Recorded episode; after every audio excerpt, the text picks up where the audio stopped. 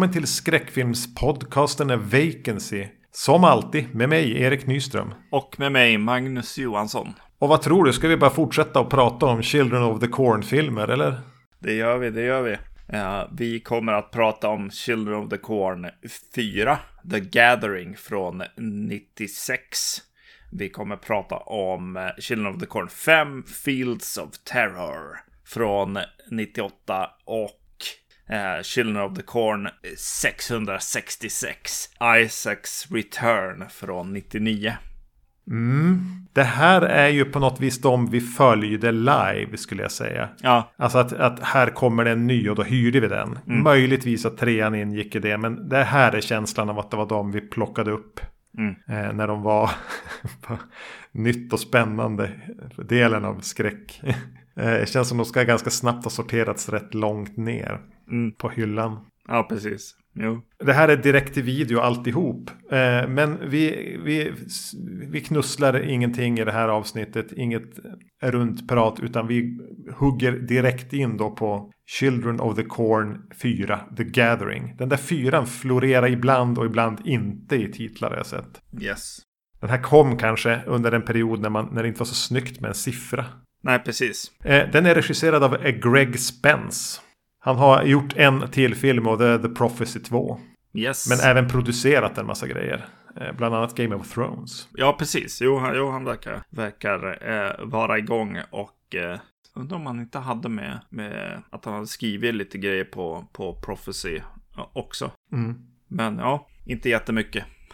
Nej, som, som, som alltid när det är Children of the Corn-filmer. ja. Vi nämner i tidigare avsnitt att eh, för att hålla reda på dem så hade varje film en, en grej som jag hängde upp det på. Mm. Som till exempel eh, klubban som byter färg i tvåan och att någon får ett hus på sig.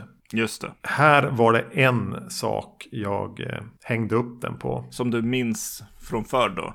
Ja, från när ja. vi såg den. Det, mitt starka minne från den var att den hade en vansinnigt cool mardröm. Ja. jag har dock säga att det här var en jag såg om kanske så här 2007. Bara för att, att, att jag, det där hängde som kvar. Ja men fyran hade fan något. Mm. Var inte den lite bättre?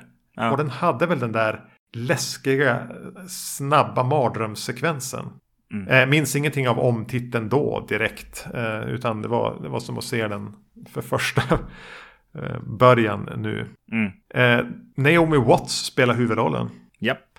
Se där. Det var väl före hennes karriär hade tagit fart uppenbarligen. Ja. Hon spelar en kvinna som återvänder hem till sin mamma som verkar gå in och ut i eh, dåliga episoder med psykiskt dåligt mående. Och lite grann för att hjälpa till och ta hand om sina småsyskon eller vad det nu då är. Mm. Eh, en feber bryter ut i det lilla samhället. Det är en, någon, någonting i majsen.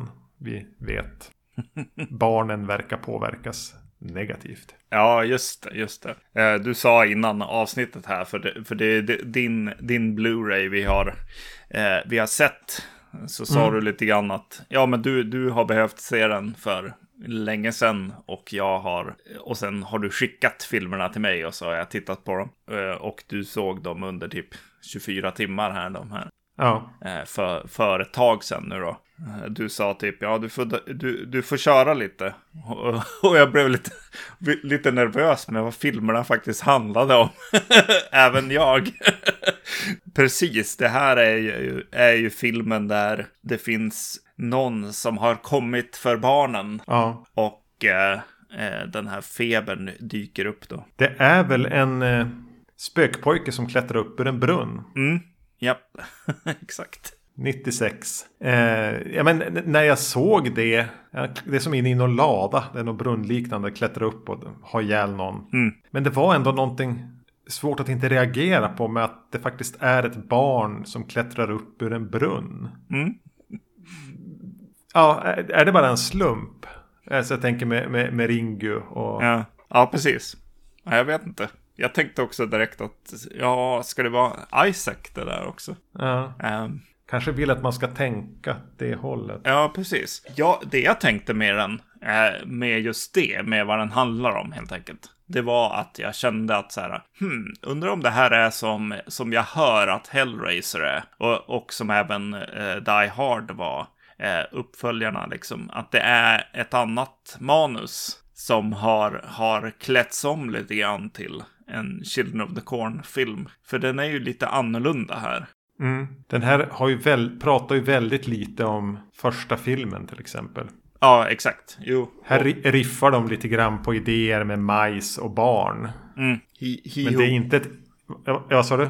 Ja, He Who Walks Behind the Rose nämns inte i, i filmen. Nej. Eh, utan, utan det är det här, det här barnet som, som kommer och eh, ska liksom ta över folks barn. Helt enkelt. Och det, mm. alltså ja, ja, det är ju Children of the Corn, det är det ju såklart. Men den, den, den har en annan tematik eller en, ett annat anslag. Ett sätt att se på det på något sätt. Den här kulten är inte riktigt det som händer, utan det är ju nä nästan en, en possession ja. som pågår i en hel stad här med barnen. Uh, ja, alltså det är inte helt ofräscht på något sätt. Nej. kan jag tycka. Nej, men inte vid del fyra. Nej, nej. Eh, och låta det bara existera med de här majs, barn. Vi har den titeln. Ja, som du säger, Hellraiser. Mm. Eh, filmerna. Säger jag precis som du utan att ha sett speciellt många. Nej, precis. Ja, som du sa. Du sa om, om den här eh, skräck jumpscaren liksom. Eh, eller mardrömmen. Eh, som är minnet från den här filmen. Och, och det var ju det som dök upp. Bara, ja, är det den här filmen? Eh, men jag kan säga att jag fick eh, en otrolig så här, nostalgi, liksom känsla. Redan när, när förtexten kom, kom upp, det dök upp en, en väldigt ful förtext där det bara stod Children of the Corn The Gathering. Och så vet du, åkte det som en spegelvänd eh, skugga av loggan lite snett så här ner. Eh, ja. på, under Children of the Corn. Och jag, jag fick otroliga så här bara. Ja, jag är, jag, jag är tillbaks där vi, när vi satt och såg, såg de här filmerna. Så det, det, det, var lite förvånande att den här filmen skulle ha sånt, sånt stor, sån där, den känslan dyker upp. Drog dig tillbaka. Ja. 25 år. Eh, vi är ju kvar där jag tyckte att, att filmserien eh, kom in i med, med, vad är det, Dimension som släpper de här. Att vi är mer, vi är kvar lite i Elm Street-världen på något sätt här. Eller no, någon slags så här, oh, kan vi göra Children of the Corn lika stor som Elm Street på något sätt. eh, I det att det är mycket, det är mycket så här drömmar och syner och sånt som, som dyker upp redan här. Eh, ja, filmen börjar ju med en lång sekvens som visar sig vara en mardröm. Precis, Karen Black som, som spelar mamman. Hon släpper in en creepy unge som har gjort illa sig i handen. Och eh, ja, jag gillar den sekvensen. Jag gillar ungen där som dyker upp. Eh, mm. Lite så här halv, inte halvvuxen, men lite så här kanske lite jock i vanliga fall. Fast nu har han blivit eh, uppklädd till eh, till mormon lite grann. Ja, eh. Majsens barn-outfit. Ja, så han, så han får ett litet creepy, eh, eller utseende där, där han inte riktigt hör hemma i sin egen kropp på något sätt. Det, det är någonting lite läskigt med, med hans utseende. Eh, men jag gillar den. Men sen, ja, sen så blir han liksom en förvrängd liksom zombieunge på något vis. ja, och, så, och så några så här jump cuts och hon vaknar. Och det blir mörk, mörka körer och så här lite metalliska ljud i soundtracket också. Väldigt M-streetigt. Ja. Eh, som dyker upp där. Och eh, sen kommer eh, Naomi Watts in. Eh, och då levlar väl, även, även om den är direkt till video här så levlar den upp. Skulle jag säga från från originalet med Linda Hamilton, eller? Ja, jag, jag, ser ju alla gånger hellre Naomi Watts i en sån här roll än Linda Hamilton. Ja, ja. Eh, jo, men det blir, det är ju en bra skådis. Mm. Eh, hon, och hon har tagit det här på allvar. Alltså det här, här var när hon försökte krabbla sig uppåt i karriären. Ja. Och tänka att ja, men det här är kanske inte den bästa filmen jag kommer att göra. Men jag kan göra, eh, den får bli en, en, stegpinne. Mm. Så det är, känns ju ändå trevligt att vi för en gångs skull i den här serien får en protagonist att, att följa. Som har, har acting shops som har utstrålning och som fungerar i huvudrollen. Mm. Det känns direkt så lite skevt med, med familjen hon kommer till. Men Karen Black spelar hennes mamma och så finns det två, har hon två småsyskon där. Mm. en pojke som är vadå, kanske 11. Ja. Och så en flicka som är 6. Mm. Och jag bara, men satan vad Karen Black ska ha varit gammal när hon fick de här barnen. Ja.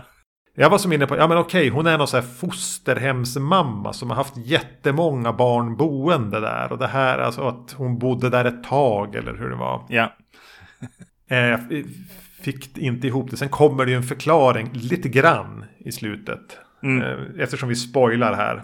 Ja. Så framkommer det ju att den flickan där är Naomi Watts dotter. Som hon har lämnat hos sin mamma. Just det. Men brorsan är ju fortfarande, alltså Karen Black ska ju fortfarande vara 50 när hon fick han. Mm. Jag tror att de har valt en skådis som är lite för gammal när de fick napp på Karen Black. Hon var inte riktigt rätt för den rollen. Nej, nej, nej, så kan det ju vara. Men de har ju också liksom, hon har ju, hon har ju liksom problem här så att eh, hon, hon kanske till och med har rätt ålder men sen så har de eh, sjukat till eller vad man ska säga, fått sin- sina vanliga så här eh, ringar under ögonen och sådär. I guess som man får i Hollywood och håret blir ovårdat eh, för att illustrera att hon har mentala problem helt enkelt. Mm. Eh, Det är lite kul att brorsan här samlar på seriemördar samlarkort. Just det. Ja. Liten parentes bara. Ja, alltså den här filmen är ju i, i något slags eh, camp. Eh, to- Toby Hooper höll på när han gjorde lite, lite så här tool, Toolbox Murders eh, remaken och så här. Att han höll på med att eh, prova lite klippteknik och, och skrämseltekniker som är, är väldigt billiga. Och det gör den här också.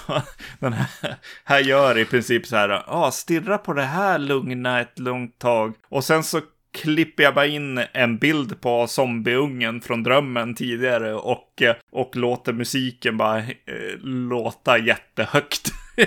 Helt plötsligt. För att få en att hoppa till. Och ja, jo, men jag hoppar ju till, men det är ju det, är ju det, Det billigt. det billigaste av det billiga på något sätt. Jo, alltså en sån här väldigt närbild på zombiepojken också. Ja. Och det, det är ju eh, vad heter det som blir punkten på, på den här som jag har pratat om nu, mardrömmen. Som jag vet att jag blev väldigt, väldigt förtjust i när jag såg den. Eh, Det är en bit in i filmen eh, när barnen börjar bli sjuka, de får feber. Och Naomi Watts karaktär har varit typ, hon är typ sjuksköterska eller har jobbat som det. Så hon hjälper till mycket på sjukhuset och kommer hem och vet att syskonen är dåliga. Så går hon upp och ska titta till eh, dottern då. Och då står det en pojke inne i, när hon som tittar mot, tittar bara mot dörren, den är öppen. Då står det en pojke vid hennes säng och bara gör så här, typ som att oj hon har just somnat, kom inte in och hyschar. Så det är ganska mjuk, alltså det är inte hotfullt. Nej. Och hon säger till och med så här, ja men tack så här för, jag vet inte vem du är men lite så här tack för att du tog hand om hon. Mm. Och då fejdar han bort. Ja. Och sen kommer han eller någon gående från sidan av dörröppningen in på ett jättekonstigt sätt. Det är som att han har bockfötter. Att Ja. nederdelen har blivit en get. Ja. Kom, gående på ett väldigt märkligt sätt. Och just när man hinner reagera på vad fan är det? Då klipper de in zombiepojken i närbild. Och sen vaknar Naomi Watts ur, i sängen. Ja. Vad tycker du om den drömsekvensen? Jag insåg ju att nu kommer den liksom. Ja. Eh, Så jag var ju mycket mer, vad heter det, så här, eh, analytisk den här gången. Men eh, jag, jag tycker att de nailar den. Alltså, Ja. det, det är en riktigt creepy sak som händer där. Sen, sen zombie-ansiktet är väl den som är lite så här, hmm, ja, jag var nog redan rädd. Ja. Men ja, Det är, är ju någonting med att det är så oförklarat det där. Ja. Det är ju ingenting som kommer tillbaka. Det är ingenting som har funnits tidigare. Varför har den där pojken Mm. bockfötter och går väldigt konstigt? ja. Jo, det är skit creepy. Ja.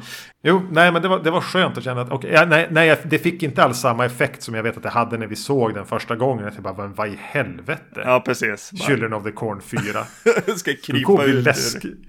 Min egna hud på något sätt där. Ja, det, ja, japp, jo, jo, det var jäkligt läskigt första gången och, och det ska den ju ha. Eh, och jag Ja. tycker att scenen är bra fortfarande, helt klart. Inge, i- inget som var någon slags, oj vad, vad dumma och, och lättlurade vi var då.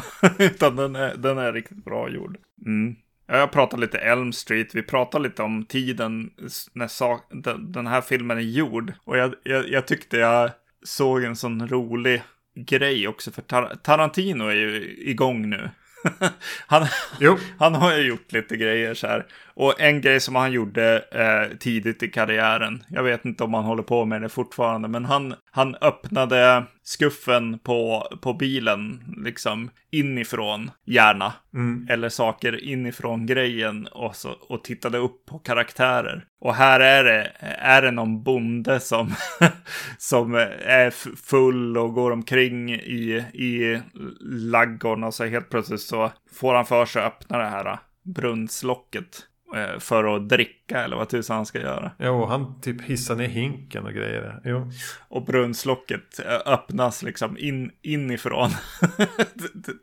Nerifrån brunn, brunnen. Och jag, jag tänkte det där är ju en, en Tarantino-flört om något.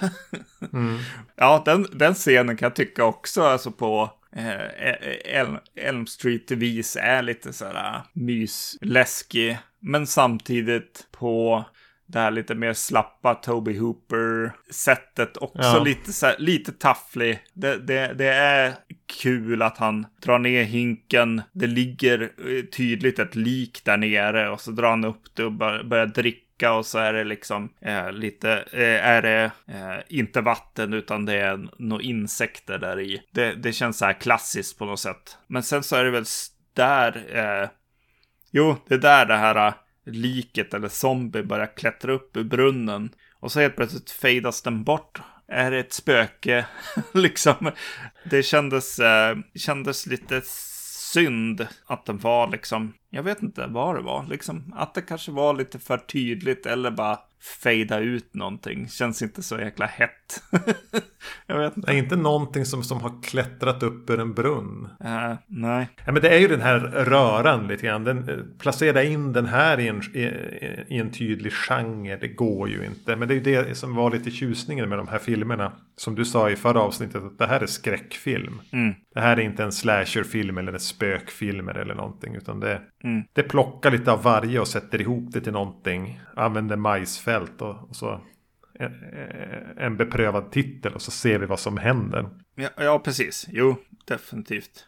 Jag tycker att det här spök, spök Isaac, eller vem det nu är, har uh, en riktigt bra sån här uh, tagline. Uh, jag har redan sagt den. I've come for the children. Ja. Det, det, det, det, tycker jag var bara, Ja, det där är ju spot on så här eh, Pinhead eller alltså någon, någon superskurk som säger och, och just att, att det som händer i staden är liksom så här kommer därefter liksom. Den linen sätter eh, liksom tonen för filmen och kanske till och med att jag eh, börjar bry mig om vad som händer i stan att feb febern måste gå ner och så vidare. Och åh, alla barnen och, och så utifrån den kanske.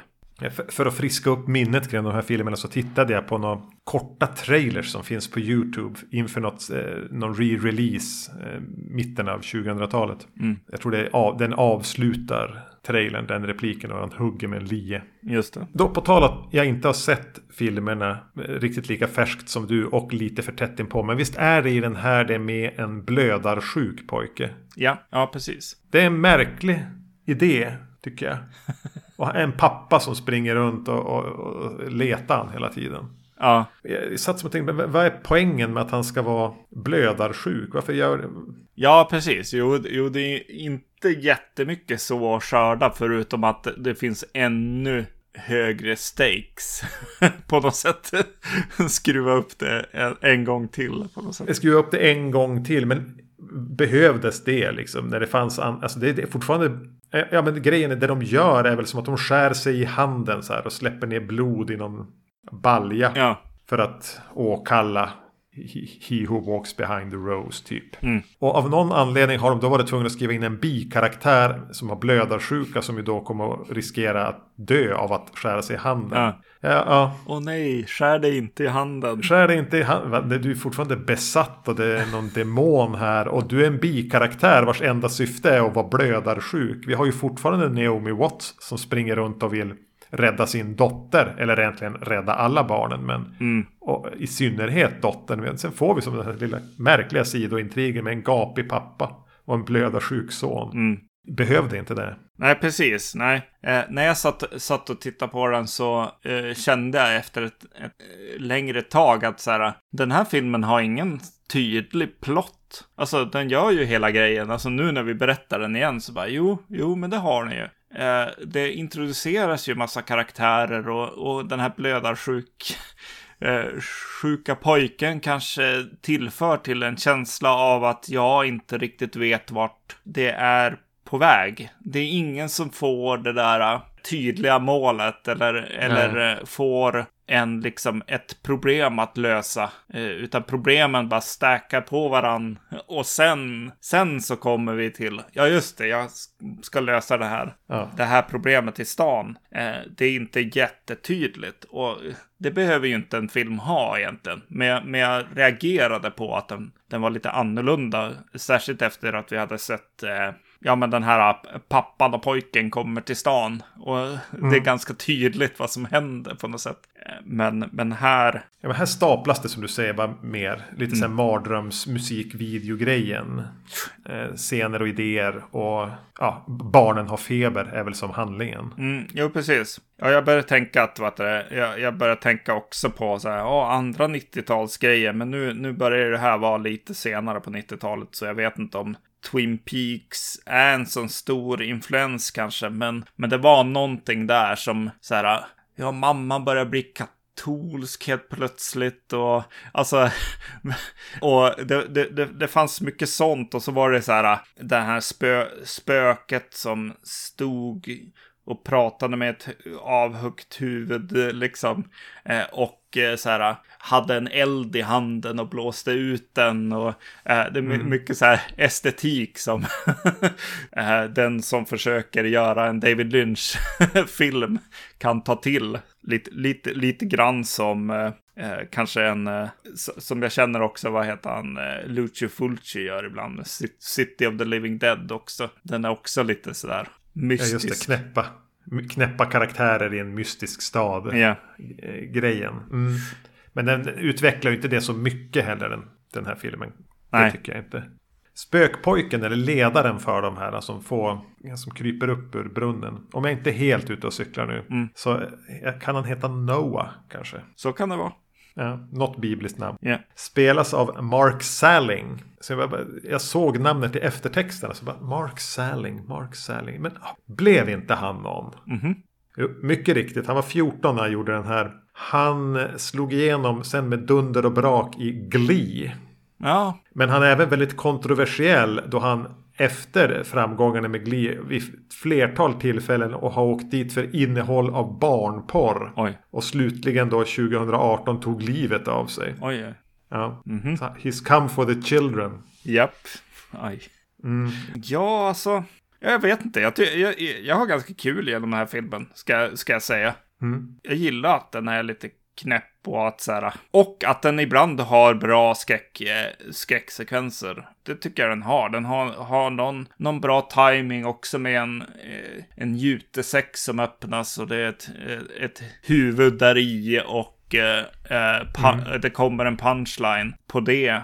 Och eh, det, den, ja, den är ganska bra ihopklippt liksom och, och stagead. Så, så jag kan nog tycka att, att den här förmodligen då eh, regissören har, har haft lite idéer kring, kring skräckelement. Men eh, eh som, som en del funkar, en del inte. Alltså helt plötsligt, eh, ja, Naomi Watts jobbar ju på ett sjukhus liksom. Och vid, vid, vid något tillfälle har de tänkt lite för mycket eller svängt runt och lekt lite för mycket. Och då är det ju nu att det är en, en mördarbår eh, mm. som åker runt och stalkar henne lite grann och sådär. det är inte jätteläskigt. Nej, det blir inte så läskigt. Men vänta nu, visst, visst är det som att barnen här blir besatta av tidigare barn? De här tvillingarna börjar hävda att de är några andra tvillingar som ju dog på 20-talet. Mm. Eh, och sådär, just det. Mm. Jo, den jobbar på att pröva mycket här. Ja, exakt. Ja. Men jag håller med. Det här, det här är trevligt att titta på. Mm. För vad det är. Jo, det, det, det, ja precis. Det är någonting som känns också, vet du, rätt så här klassiskt 70-talet. Eh, mer än på, ja kanske att berättartekniken är lite skev. Men också att eh, det är så mycket vuxna som är i huvudrollerna också. Det tror jag tillför på något sätt att, att, att den får en liten...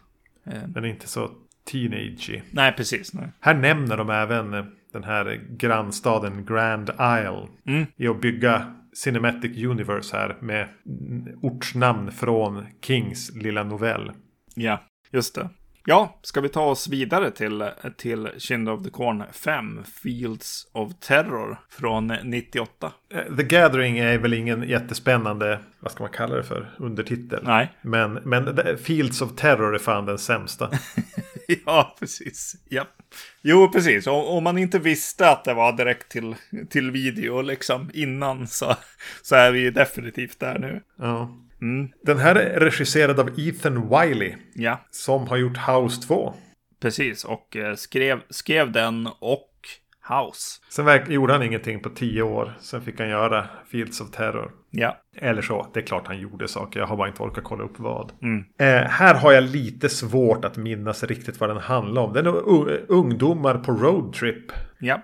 Eh, som, varav en av dem har en koppling till trakten här som är Nebraska och majsfält. Mm. Är det att hennes bror, hon, hon är därifrån? Hon är, hon är därifrån och eh, hennes bror har, har liksom lämnat eh, jordelivet, höll jag på att säga. Nej, men lämnat familj och vänner för en sekt någonstans i hemtrakterna. Mm. Och ska följa He Who Walks Behind the Rose det de är egentligen där för är att de ska, de ska någonstans och eh, sprida eh, askan från, från en vän. Ja, det går fel. Eh, bil, de börjar köra av vägen och eh, blir överfallna av, eh, av barn i fälten. De snärjs in i, i sekten här och... Yes. Jada da di da. Mm. Ja, var börja här? Jag har som några ingångar. Men jag tror att det jag vill säga här så att vi kan säga något om tonen och anslaget på den. Ja. Eh, så är ju det här kanske det som känns mest som en eh, teen slasher. Ja. Ska jag jämföra den med någonting så är det ju remaken på House of Wax. Ja, just det. Mm. Men, men, man kan även känna att eh, du nämnde han i förra, när vi pratade om, om The Gathering, här, Quentin Tarantino, eller kanske ännu mer Rob Zombie. Mm. Här har det blivit lite coolt att plocka upp eh, gamla skådisar och knö in i eh, filmer. Ja. Eh, alla Children of the Corn-filmer har ju nästan haft med sig någon liten, litet bekant ansikte. Ja. ja vi hade ju Karen Black och Naomi Watts i förra filmen. Mm. Men här, här har vi eh, bara i sådana här småroller. Eh, Fred Williamson, alltså Shaft. Ja. David Carradine spelar sektledare. Ja. Kane Hodder serverar öl på ett hak. Mm. Och två av Frank Zappas barn är med i, i sekten. Mm. I, I tonårsgänget. Och det här är väl mer bara tur då. Ja. Så har vi Eva Mendes i sin filmdebut. Ja. Och eh, Alexis Arquette. Mm. Som eh, är numera avliden i aids. Men eh, yngsta syskonet tror jag i. Eller nej det kanske är David Arquette som är yngst. Men eh, i Arquette syskonskaran. Mm. Den känns lite mer popkulturell. Lite att den ska ha ett lite energi och ett tempo. En, en flärd. Ja. Och det vill säga, mm. när jag skulle minnas den här, vad var det jag mindes den? Jo, det var den med sekten. Ja. För här är det väldigt Jonestownigt. Ja, precis. Ja. Ja, här, här börjar det nästan komma in lite så här äh, metal hits och, och sånt också. Äh, jag är mm. inte helt säker på att det gjorde det nu, men, men det känns så. För äh, den, den öppnar med liksom förtexter och då är det någon ros, någon ros i majsfältet som någon tar i och lyfter upp. Och, det känns väldigt märkligt. Det som jag, jag känner av är ju nu direkt till video, direkt till video känns det som. Alltså, det, den här är filmad med, jag vet inte, man filmar väl inte med DV. Det lär väl kanske vara Ja, nu är det här film. Nu är det här film, ja precis. Men de, de, filmar som att det är en väldigt lätt kamera att hålla i. Den, den liksom, mm. De bara sp springer runt eh, i majsfältet. Det är kolsvart. Eh, det finns ingen, inga av den här blå, blåa nattljuset. Eh, den har de bara släckt liksom. Så det är svårt, svårt att se. Och så sen så är det ju när de kommer körandes på vägen så börjar de ju så här vända kameran 90 grader åt sidan och, och följa med den och ska göra lite så här häftigt foto på något sätt. Ja, men den, den vill ha lite umf i bildberättandet. Ja, ja precis. Jo. Så de filmar som, som om det hade varit filmat med, med iPhone där folk har glömt det. att just det, jag måste ha på. Eh, lägga den åt sidan så att det blir bra för tvn. Eh, alltså, Dutch anglesarna är ju komiska liksom. När, när kameran bara börja åka åt sidan och sen kanske tillbaks igen och så över till andra sidan och vinkla sig och eh, ja, allt de kan hitta på med en kamera, det gör de ju här. Eh, och de, de, gör det ju inte med flärd. Eh, Nej. ja, nej. Och det, framförallt upplever jag att det är under inledningen av filmen. Mm. Jo, ja, precis. Att, att, att den kommer in med det här bara, nu jävlar, jag har druckit så mycket kaffe, nu kör vi, jag är så taggad på att göra film. Mm. Rock'n'roll gänget och sen, jag har Fred, jag har ju Shaft här, jag har Jason här. Ja. Vad kan gå fel? precis, precis. Jag, jag, jag, tänkte på en film som jag tänkte på i början var, vad heter det, heter den Children of, Children of the Living Dead? En, en Night of the Living Dead uppföljare som, som någon... Eller med Abbott Hayes. Ja, just det, ja. det, det, var den jag började tänka på. Att så här, ja, det, det, är, det är rätt, rätt risigt här, tycker jag, eh, rent, rent fotomässigt. Eh, jo, du nämner den här handen som tar upp den här rosen i majsfältet. Och jag tror det var det som gjorde att den här filmen måste vara en av dem. Och det har även funnits i andra. Men att de hade problem med entiteten då. He who walks behind the rose. Mm. Att, att svenska översättare ibland trodde att det var han som går bakom rosen. Ja, just det. minns jag från, från, från VHS-tiden. Eh, och att jag alltid tänkte, men visst är det väl ändå raderna som de har sått majsen. Inte eh, rosen. Just det. Alltså redan eh, han som går bakom rosen. Men när, när, när jag säger det så tänker jag Ja, vad fan, om jag någon gång ska ut en skiva. Yeah. Om, jag, om jag skulle breaka som någon form av artist. Då skulle min, min första skiva heta det. Han som går bakom rosen. ja, just det. Ja, den, den här, den här uh, gör ju det misstaget, I guess. Nej, nej. Ja. Men ja, kul. Ja, jag hann tänka det när jag såg den. Har de här fattat fel? Ja, tror de här att det är? Ja. Men jag tror att det, det står på någon vägg skrivet med, med blod. Rose som är i R-O-W-S. Mm. Så nej, de har inte missförstått. Nej, nej. Den, den här har ju ett ungdomsgäng och eh, jag, jag, tror att eh, alltså Alexis Arquette, jag har just sett eh, David Arquette, liksom, vi, vi, vi, såg ju på bio, såg Scream för ett tag sedan. Mm. Eh, jag har sett lite intervjuer och sånt med, med David Arquette på senaste tiden också. Och det, Varför då? Det, eh, till Scream bara, så här. Jag ja, blev så ja. intresserad av hur, av att veta mer. Det, det, det är en av, en av höjdpunkterna är att se på Alexis Arquette och mappa honom till David Arquette här. Att det, det är så, de, de, de är bröder. Mm. här, helt klart.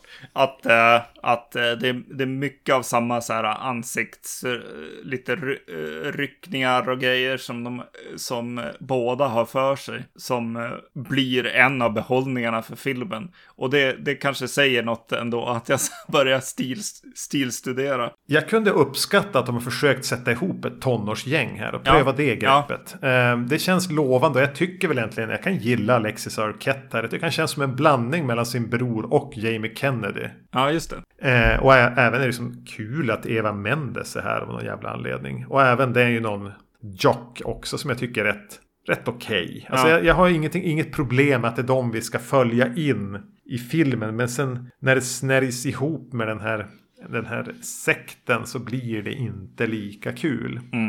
Um, då tappar den. För jag kunde även vara, ja men visst den försöker verkligen gå in med den här energin. Att det ska vara lite ösigt. Ja. Uh, och jag, även om den inte, det känns inte det flyter inte genom varje fiber i filmen, verkligen inte. Det känns lite forcerat. Mm. Så kunde jag bara ändå uppskatta ambitionen och få det här gänget och de ska iväg och sprida askan och det finns... Ja, men, men det tappar så jävla fort den gnistan och ambitionen som jag tyckte fanns där. Mm. Det planar ut väldigt fort. Uh, jag såg en video häromdagen på, på YouTube med några som så här, någon panel som satt och, och vad heter det, analyserade någon, eh, någon som hade, ja, en true crime historia helt enkelt. Lite intervjuer med en uppenbar psykopat.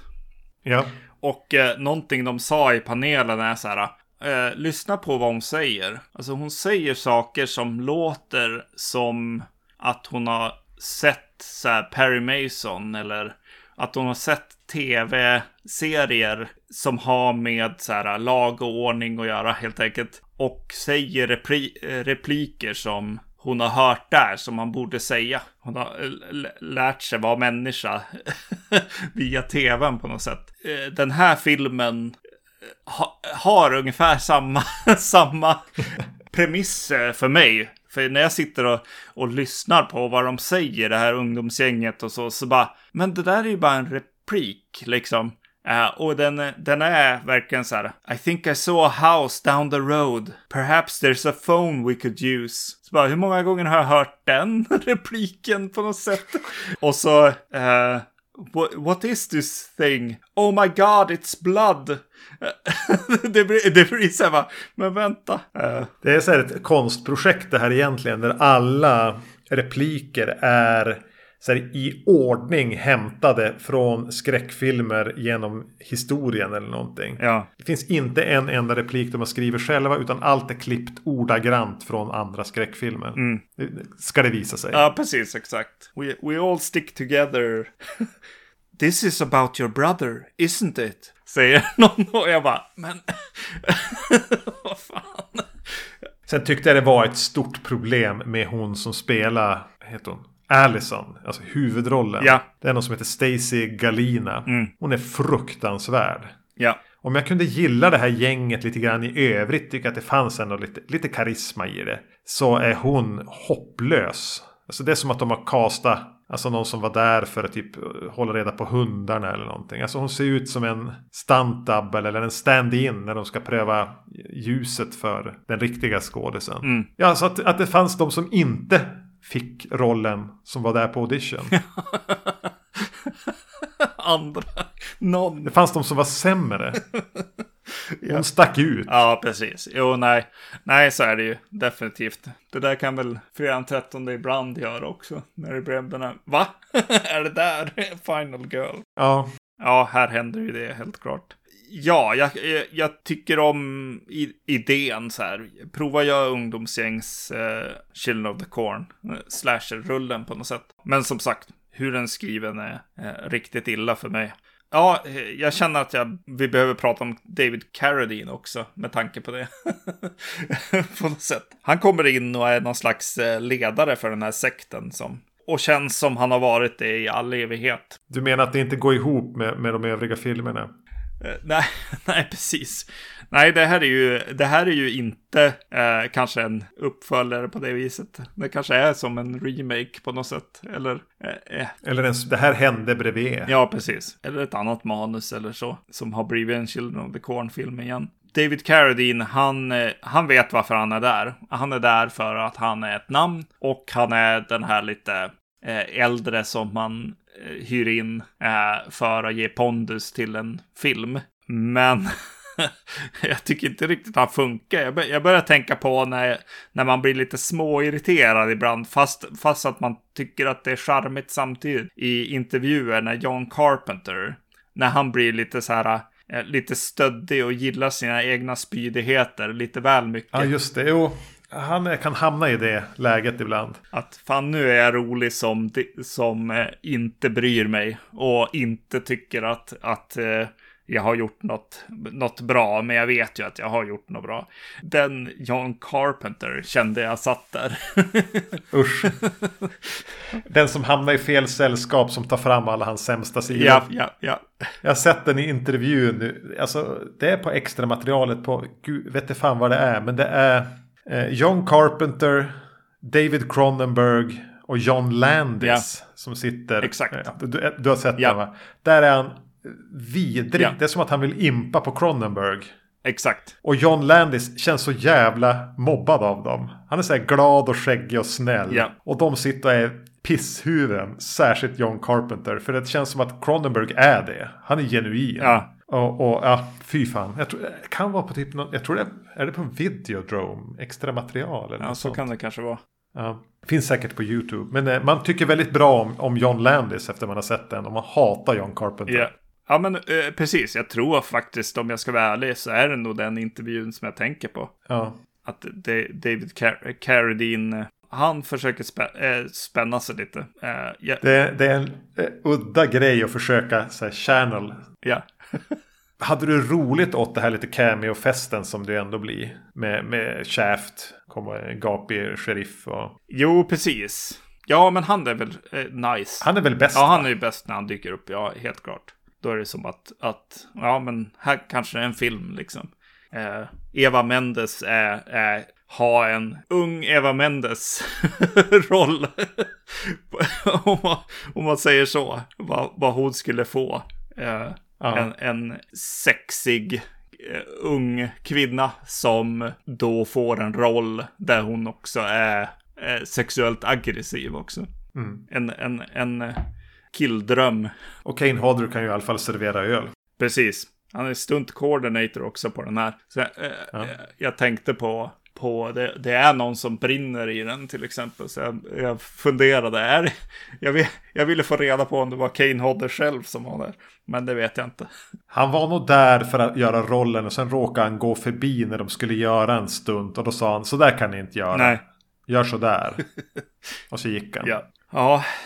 Nej, jag tycker att det är, alltså, det, det, det är för enkelt skrivet på något sätt. Och hur de bara snubblar över den här försvunna brorsan och nej. Ja, hela sektgrejen blir trist. Den tappar energi. Jag hade velat se den, den Children of the Corn-filmen som en lyckad. Alltså Rob Zombie med Flick med eh, lite högoktanigt med en massa cameos från eh, skräckfilmshistorien. Och så vidare. Men nej, den, den, den kroknar så jävla snabbt. Från en, en start som ändå inte var så jävla bra. Nej Jag blir ändå jävligt nyfiken på vad, vad de här Zappa-syskonen gör i filmen. ja, Jag kan ju så förstå att man plockar dit Kane Hodder och David Carradine. Ja. Om man ändå har pengar och vill casta. Men, men, men jag vill nog även ha med Frank Zappas barn i den. Mm. Jag vill ha med Diva Zappa här. Det kommer att ge den här filmen det sista. Ja. Det måste finnas en historia där till varför de är med. Ja, precis. Och den kommer ju vara, jag var kompis med någon. Ja, vi gick samma så art school eller någonting. Precis, precis. Nej, men det blir ju, det blir ju så här någon slags zombiebarns, eh, lite action. Eh, film på slutet, liksom springa från, från eh, barn som lika gärna kunde vara zombies och eh, något liksom lite intressant där, det, det som ekar i, i huvudet på, på The Final Girl för att lösa problemet. Fight fire with fire. Ja. så, så, som är så jävla löjligt. Eh, enkelt så ska hon, ska hon eh, stoppa den här Eternal Flamen som, som eh, finns i majsfältet. Ja. Ja, eh, min sista kommentar på den här filmen i mina anteckningar är att Allison är ett rätt bra skräckfilmsnamn. Och det ska den väl ha då. ja, men visst. ja. Jag vill bara säga att jag gillade den randiga tröjan på Isaac stand-inen här. Ja, ja precis. Jo, eh, han, han, såg ju, han såg ut som Dennis the Menace. Så Ja. var det ju bara. jag tyckte det var, var lite charmigt. Jag, jag tycker inte han är en jättedålig liksom. Nej, det är han inte. Eh, sånt här eh, main kid. Eh, vi har sett sämre eh, och kommer Han säkert hette göra också det. Wiley i efternamn, noterar jag. Jag har däremot inte undersökt om de är syskon eller Ja, far och son eller kusiner. Men, nej, jag tyckte att han funkar också. Men Ja. framförallt att han hade den där tröjan som var så långt ifrån Isaac man kan komma. Ja, det var ju den här filmen det var så här. eh, det var någon som var, var eh, en läskig tjej också som hade så här eh, många tofsar i, i, i håret. Eh, korta Mm. tofsar i håret liksom. Eh, som gick omkring och skulle vara läskig liksom. Och jag tänkte bara, Det men kan vara Diva Zappa.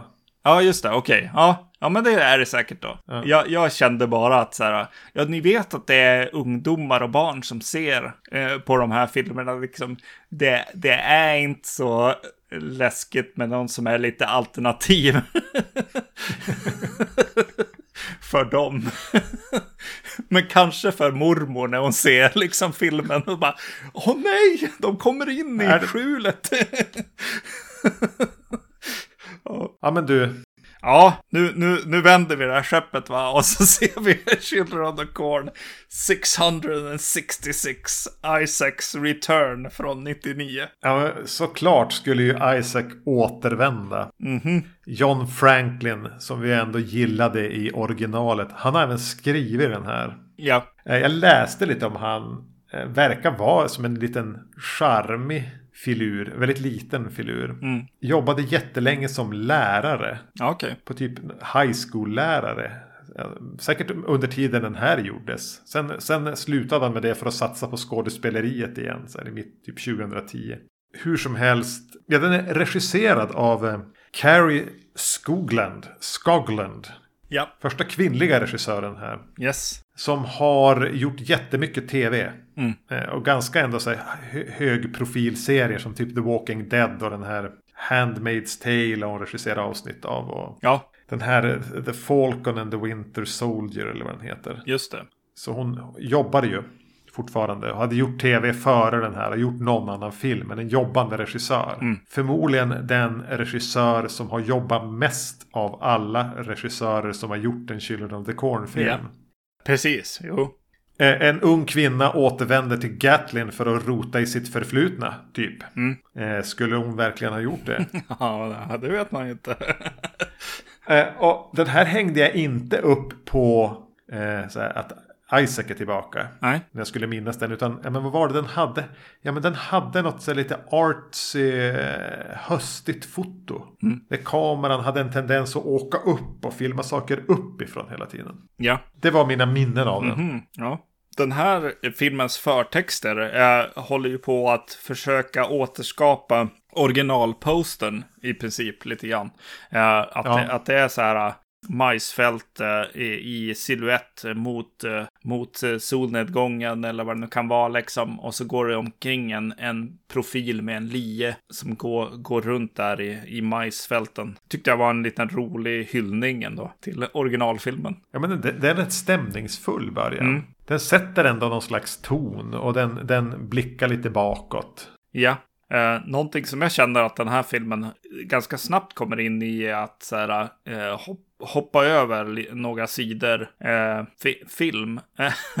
de, de, de eh, de kommer på lite voiceovers för varför hon är på väg in, in i, tillbaks till Gatlin. Uh, det, det, är någon slags uh, inre dialog. Det är så roligt för då blir hon, hon blir stoppad av, uh, av en sheriff. Eller hur? Jo, på landsvägen ja. Och så vet det ska... Är inte det efter att hon har sladdat och haft Jo, precis. Hon sladdar av. Ja. Hon håller på att villa bort sig i majsfält och så. Just det. Och Eh, då kommer polisen och så, och så börjar polisen kolla upp hennes liksom, identitet. Och eh, helt plötsligt har polisen en, en inre dialog med voiceover. It's her. ja. och jag bara va? va, nu har ni missat. Så här får man inte göra. Nej, ni missar någonting. Så nu måste ni så här ADRa in att så här Jaha, okej. Jag, jag kollade vem du var och förstod att hon var någon speciell. Ja, det var väldigt Vi missade någon klipp på någon, alltså. Ja. ja det där blev för otydligt. ja, precis. Det bör, börjar du göra så att alla karaktärer kan ha en, en inre voiceover. Måste de ju ha det hela vägen också. Ja, precis. Kan du inte bara ha det i början där du märker att det kanske blev för vagt. Ja, precis. Och här är det ju ett bra exempel när den är i, är överflödig. Mm. Jo, precis. Just I båda fallen. Ja. Alltså det behövs inte. För jag tycker att den är ganska tydlig egentligen. Mm. Ja, åtminstone så blir den ju det när hon sen kommer vidare. Vi behöver inte ha allt klart för oss efter fem minuter varför hon är där. Vi kan få upptäcka delar av anledningen till att hon gör den här resan när hon har kommit en bit in i den. Mm. Men men. Ja, de hamnar ju på på ett sjukhus och det, det, är ju tydligt att det är liksom lite Twin Peaksigt eller en konstig underlig stad helt enkelt. Ja, den är väldigt avfolkad. Alltså de är ju i Gatlin. Här, Ja, precis. Mm. eh, Vilket ju väcker frågor sett till första filmen. Alltså här har den som blev en spökstad men ändå inte tillräckligt. Nej, precis. Det känns som, som eh, de här vuxna i filmen är vuxna som har blivit kvar ibland.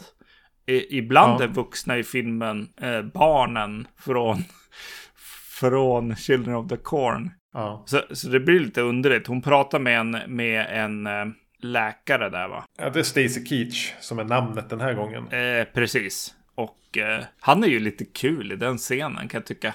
Han är så här... eh, Han är ju alltid bra. Ja, han är, han är, han är eh, läskig, går över gränser, eh, är en läkare man inte vill möta liksom.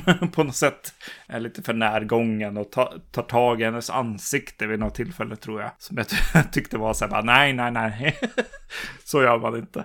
Han nämner väl det att han blev kvar eller jag valde att stanna eller det här är mitt hem. Ja, precis. Och han ska ju ha definitivt ha hört till de som borde ha blivit dödade i...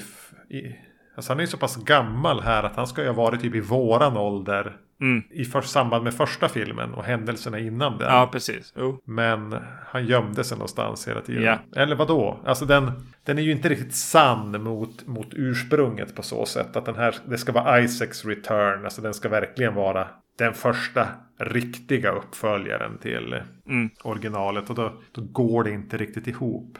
Nej. John Franklin kanske ska undervisa, inte skriva manus.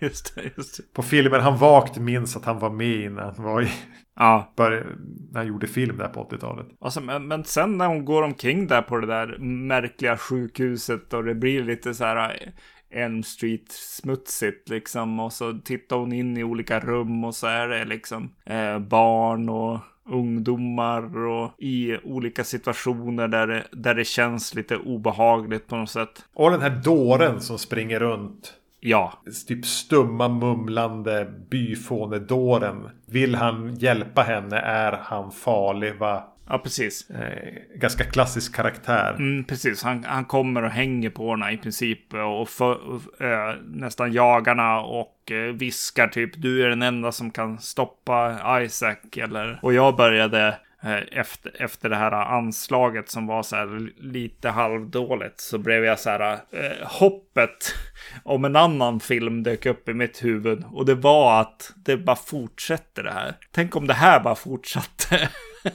För den är ganska lång scen där, där han, han som bara följer efter henne och hon försöker skaka av sig honom. Och tänk om filmen bara hade varit kvar där i typ 1.20 till. och bl- blivit en riktig så här, någon slags arthouse-mardröm. Jobbiga killen på sjukhuset och jag råkar så hamna mellan två låsta dörrar. ja, exakt. Lite så. Jag tog mig inte ut. Ja. Eh, det du hoppade lite grann var att när hon är på väg dit så tar hon ju upp en liftare. Mm. Och om man ser alla de här filmerna nära in på varandra så känner man igen liftaren. ja, Eh, gjorde jag det? Jag vet inte. han ser lite ut som Tom Noonan, liftaren.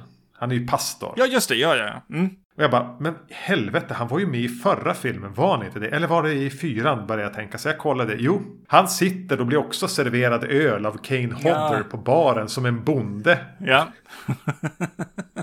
Samma skådis. Ja. Eh, ha- han har ju ett bra utseende, så han, man minns han ju. Mm. Li- lite märkligt, eh, slappt i castingen när filmerna har ett år mellan varandra. Det är sånt där som kunde hända i så här MacGyver och sånt. Att de återanvände skådisar i olika roller. När det hade, eh, I säsong ett och sen återkom i säsong tre. Just det. Men, men i en filmserie där det har, han hade, Vem som helst hade ju kunnat spela den här rollen på ett sätt. Det är ju inte så att han ska vara given. Bodde han där i majsfälten eller vad? Men, vi, nej, det var inte... Det satt in, vi hade inte castat någon bonde på, på baren där. Va? Säger ni för någonting? Är det med i filmen? Ja, precis. nej, det var inte med någon liftare. Eh, för, försöker de bygga någon märklig mytos? Nej, det är bara slapp casting. Och så här, men du var inte du med i förra? Nej. Nej, det var inte.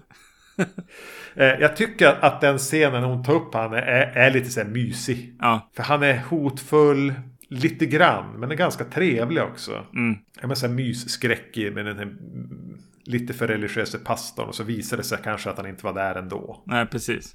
Jag tycker också om den scenen. Han, han är väl kanske med i Twin Peaks, den snubben. Spelar någon, någon polis där. Ah, ja, ja.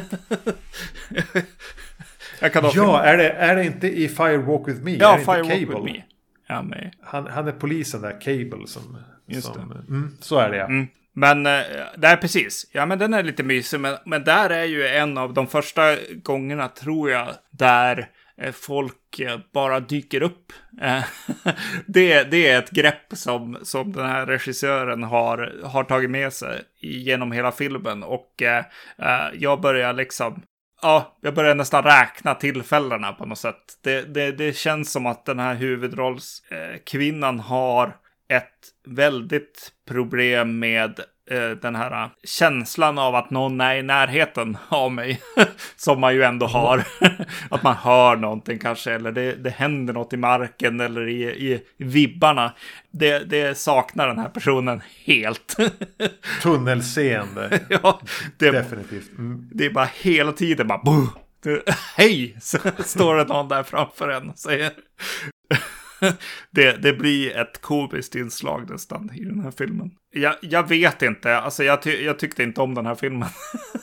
Nej, jag hörde, och det gjorde väl egentligen inte jag heller. Den blir fort sövande. Ja. För att den inte har så mycket. Nej. Jag tror att när John Franklin satt och skrev den så visste han verkligen vad han ville berätta. Mm. Men det är ju ingenting som på något sätt fungerar som film och mycket blir utfyllnad. De åker runt och ska göra saker. De gräver upp någon grav och mm. det är någon som pratar om att hennes barn dog. Men nej, man förstår ju hela tiden att det är våran huvudrollsinnehavare mm. som är den personen. Och hon är någon chosen one och, fanskap. Och de fyller ut scener med att det dyker upp någon och pratar med henne när hon är och gräver upp graven. Eh, som kommer på någon moppe eller vad fan det är. Mm. Så det kommer som in karaktärer och bara pratar lite grann. Och fyller ut speltiden. Mm. Det, det, är hela tiden så uppenbart att det kärleksintresset som dyker upp har andra planer. Yeah. Det är aldrig en överraskning. Nej. Är det Gabriel han heter såklart. Eh, så är det nog. Mm. Mm. Och han, Isaac är ju då med här. Och jag kan gilla att de, han är på sjukhuset. De, hon hittar ju som han liggandes i koma yeah. i, en, i, en, säng. Mm. Bara, Oj, där är han. Oj. Eh, det, det, det, tyckte jag fungerar. Mm. Att ha han lite som den här vilande profeten. Men han vaknar ju i koman och blir precis som i första filmen ganska snopet snabbt ifrågasatt. Mm. Som den bluff han ju uppenbarligen är. Även efter, vadå, 20 år i koma. Ja. Han var inte mindre bluff sen. Nej, nej precis. Men jag kan gilla, det, det var nog nästan manusmässigt det jag gillade bäst med den. Det är att han och eh, Isaac och Gabriel här får som ändå tid tillsammans. Mm. De går och har lite så teologiska diskussioner om hur svårt det är att få en, den här generationen nu. De här barnen, de tror ju inte på någonting. Att få dem att tro på saker. Mm. Den här generationen som är typ mördarna i Scream. Om vi nu ska fortsätta koppla allting till Scream. Yeah. Att de är lite grann som, som Matthew Lillards karaktär där. Mm. Och Isaac här får som gå och förfasas. Hur ska, vi, hur ska jag kunna få fram en massa majsens barn här med de här cyniska idioterna som är dagens ungdom. Mm. Det var något lite kul över, över de, deras samspel, deras dialog. Att de stöter på problem här, majsens barn. Det är svårt att rekrytera för alla är bara intresserade av sig själva och har någon så ironisk distans till allting. Ja. Tro inte, inte på något. Det går inte, går inte, det går inte att skapa någon kult då heller. Nej. Nej. Ja, eh, hon, Nancy Allen dyker upp här. Eh, och eh, hon, hon är ju kanske inte bäst i den här filmen. Nej. Men hon, hon är ju definitivt en, en stjärna och, och jag kände så mycket av det. Eh, alltså hon är en stjärna för framförallt för hon som spelar sheriffen här. Eh, när, när de är i scener tillsammans så bara går, går den här sheriffen eh, igång, försöker vara extra bra, eh, känner sig lite, eh, hon känns lite nervös. det, är, det, är, det är lite charmigt att se, se eh, dem i scener tillsammans. För det, för det känns viktigt för hon som spelar sheriffen här. Låg självkänsla som skådis och du blir sådär stirrig av att, av att behöva spela mot Nancy Allen. ja, exakt, exakt. Tro på dig själv. jag spelar, jag spelar polis mot en riktigt cool polis i Robocop. Robocops kompis. ja. Ja, Okej, okay, jag, vill, jag vill få ihop lite grann från originalet här. Eh, jag, jag kanske var lite sömnig. Jag somnade inte till, men filmen ville att jag skulle ha somnat, tror jag.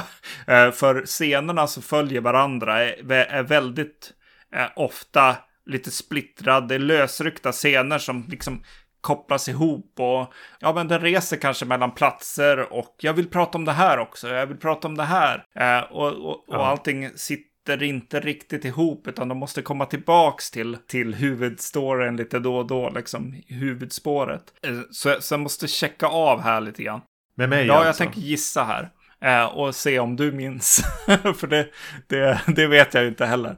Men Nej. Nancy Allen, hon spelar eh, Malakais eh, eh, liksom sidekick med lockigt hår. Hon som anfaller i slutet av bilen, alltså slutet av filmen i bilen. Den sista scaren i originalet. Ja, precis. Just det. Jag, jag tänkte det. Ja, precis. Jag tror att det är hon. Ja. Det, det handlar ju om att någon, någon, någon är ju barn till någon här. Eh, så det ja. är ju Malakais barn vi träffar här. De pratar hela tiden om att nej men din pappa, han finns inte längre eller någonting liksom. Ja, jo, de nämner han ju aldrig vid namn. Nej. Men, ja. Nej, man kan anta det. Just det, okej. Okay. Ja, men vad skönt. Men det var, jag, jag, tyckte inte att det var supertydligt, nej. Nej, nej men precis. Nej, men då är ju jag... då, då hajar jag. Eller ska, mm. skulle det vara He Who Walks Behind the Rose? Nej, det kan det inte vara, för det är ju en annan person här. Ja, oh, gud. Nej, men den här är liksom... Uh... Ja, just det. Isaac har en son också som är... Eh, ja, just det. en riktig gurka bara. Jaha, här är din son. Ja, men det är ju uppenbarligen, hey. för han är ju själv också en liten så här. Ja, det gick inte så bra för, för honom. Nej, han går lika dåligt för, han, ja. för, för hans pappa. Ja.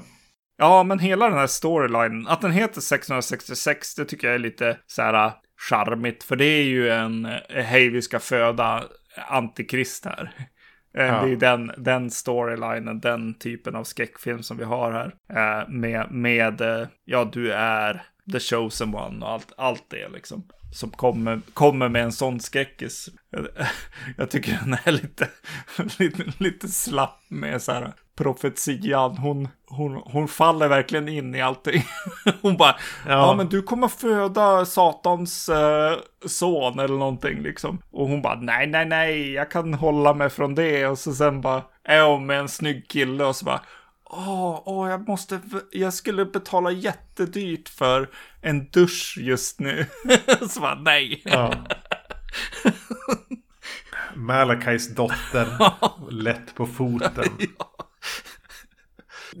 Nej men profetian är väl att de ska typ skapa en överlägsen ras och sånt ja, där. Uber baby. Mm. Som hon åker därifrån med. Ja, precis. Just det. För de, de tar in Hitler här en massa också. Mm. Ja. I dialog. Jämför, jämför lite sektledare och så Hitler då är, är del i dem. jag vet inte. Ja, jag tänkte att han var mer politiker. jag vet inte. Det är en jättetunn story. Det är mycket utfyllnad. Det, det lilla story som finns är inte speciellt bra. Nej.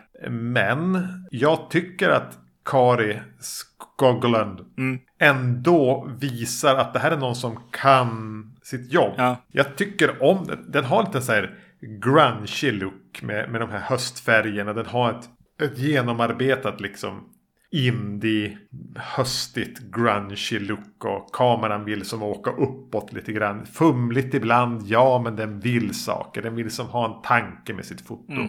Tycker den är ganska bra klippt och, och sammanfogad. Mm. Tycker den, den, den, har en, den kanske mest distinkta visuella looken hittills av, av, av filmerna. Eh, det, det, det, kan jag ändå beundra den för. Jag tyckte det var något mysigt med att se en film som Ja, men nu har vi kommit till del 6 här. Nu, nu sätter jag en look här mm.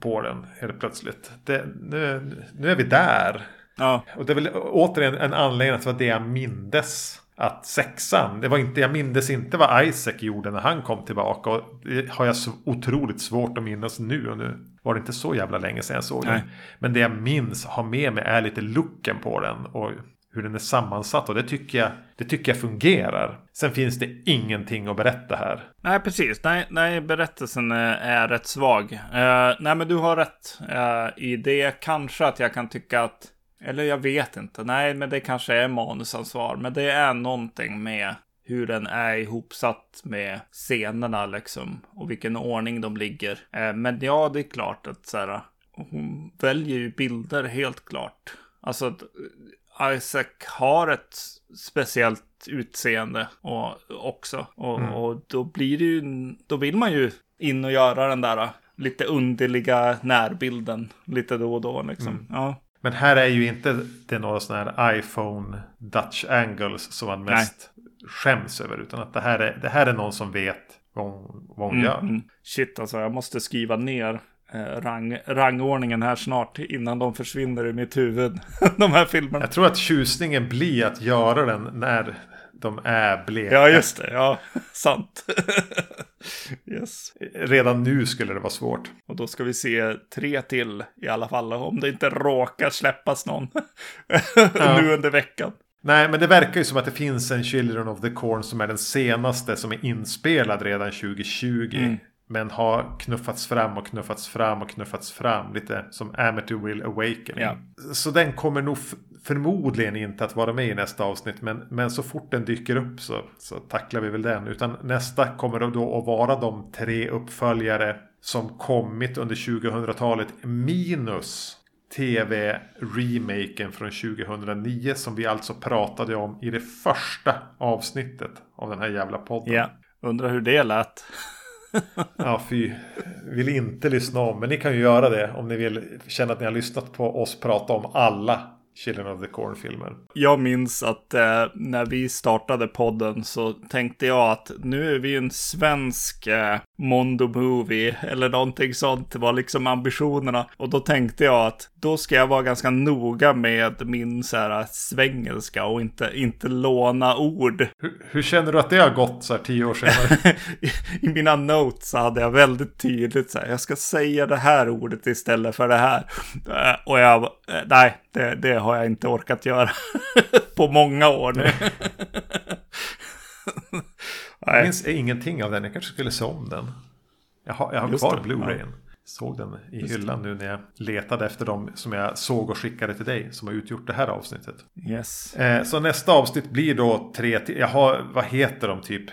Revelations, Runaway och eh, ja. någonting mer. Spelar roll. Vi kommer prata om vad de heter i nästa avsnitt. Och det som är kul är som sagt var att inte, jag har inte sett någon av dem. Nej, nej, inte jag heller. Sen vi flyttade ifrån varandra så har vi slutat följa den här filmserien. Yes. Tills nu. Ja, vi, vi finns ju på Facebook, eh, vi finns på vacancy.se, eh, podcast at vacancy.se är vår mailadress om man vill höra av sig. Annars eh, kommentarer på Facebook är kul. På Instagram heter jag Zombie Magnus. Och jag heter Erknym. Då hörs vi nästa gång. Hej! Hej.